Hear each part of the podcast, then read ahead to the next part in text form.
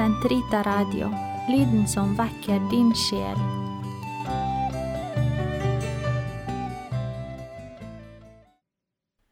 Den katolske kirkes katekisme, uke 48, tirsdag 963 til 970.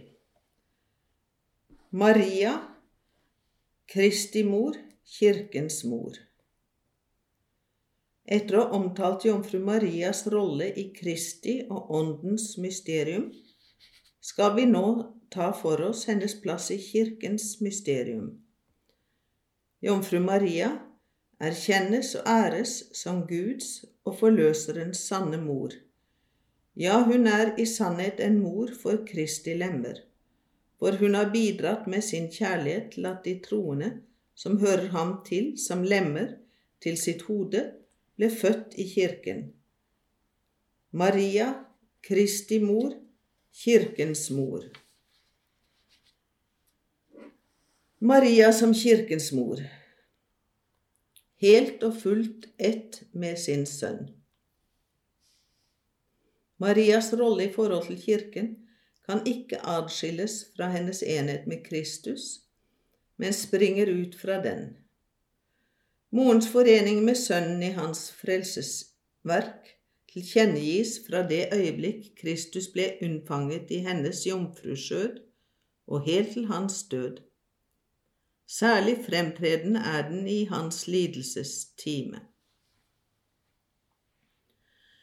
Den salige jomfru vandret således frem i tro og bevarte sin forening med Sønnen uten svik helt til korset det var ikke uten hensikt at Gud lot henne stå ved korset for å la henne ta inderlig del i sin enbårne sønns lidelse, forene seg med hans offer som bare en mor kan gjøre det, i kjærlighet gi sitt samtykke til slaktningen av det offerlam hun hadde født. Og til sist, da Kristus Jesus hang døende på korset, ble hun gitt til disippelen som mor med disse ord. Kvinne, Se din sønn. Johannes 19, 26, 27. Etter Sønnens himmelfart bisto Maria kirkens førstegrøde med sin bønn. Sammen med apostlene og noen kvinner ser vi Maria ved sine bønner nedkalle ånden som allerede ved bebudelsen hadde senket seg over henne.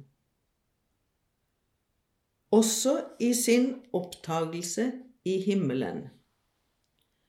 Til sist, den rene jomfru, som helt hadde vært beskyttet mot den opprinnelige synsplett, hadde endt sitt jordiske liv, ble hun med legeme og sjel opptatt i den himmelske herlighet og av Herren opphøyet til alle tings dronning, for enda mer å bli likedannet med sin sønn. Herrenes Herre, seierherre over synd og død. Den hellige jomfrus opptagelse i himmelen innebærer en særlig deltagelse i Sønnens oppstandelse og en foregripelse av de andre kristnes oppstandelse. Da du fødte, forble du jomfru. Da du sov inn, forlot du ikke verden. O du Guds mor, du gikk tilbake til livets kilde, du som unnfanget den levende Gud, og som ved dine bønner frelste vår sjel fra døden er hun vår mor etter nådens orden. Ved å gi sitt fulle samtykke til Faderens vilje, til Sønnens frelsesverk og til enhver innskytelse fra Den hellige ånd, er Jomfru Maria Kirkens forbilde på tro og kjærlighet. Dermed er hun ett av Kirkens lemmer, enestående ved sin opphøythet. Ja, hun er den forbilledlige virkeliggjøring, typus, av Kirken. Men hennes rolle overfor Kirken og hele menneskeheten går enda lenger. Hun tok en enestående del i Frelserens verk. Hun gjorde det ved sin lydighet, sin tro, sitt håp og sin brennende kjærlighet for at Guds liv skulle gjenopprettes i sjelene. Av den grunn er hun vår mor etter nådens ordning.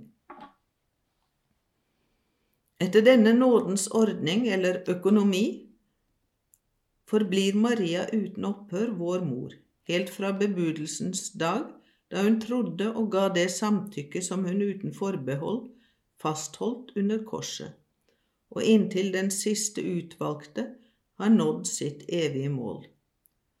Hun sa ikke fra seg denne frelsesbringende oppgave da hun ble opptatt i himmelen.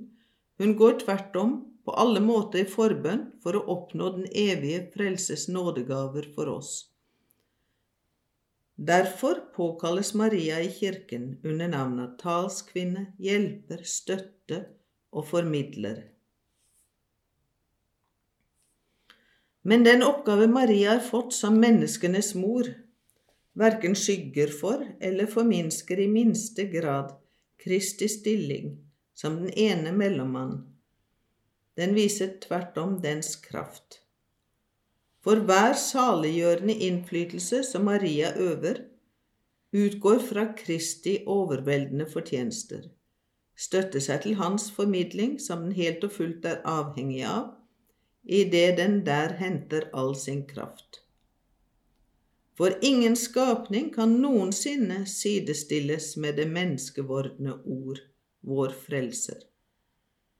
Men på samme måte som både embetsbærerne og det troende folk på forskjellig vis får del i Kristi prestedømme, på samme måte som Guds fullkommenhet, uten å ha noe sidestykke, dog virkelig meddeles på mangfoldig vis til skapningene, lar også Kristi enestående stilling som formidler seg forene med, ja, den fremkaller hos skapningen en medvirken og en delaktighet i forskjellige former, som alltid har sitt utspring i denne ene kilde.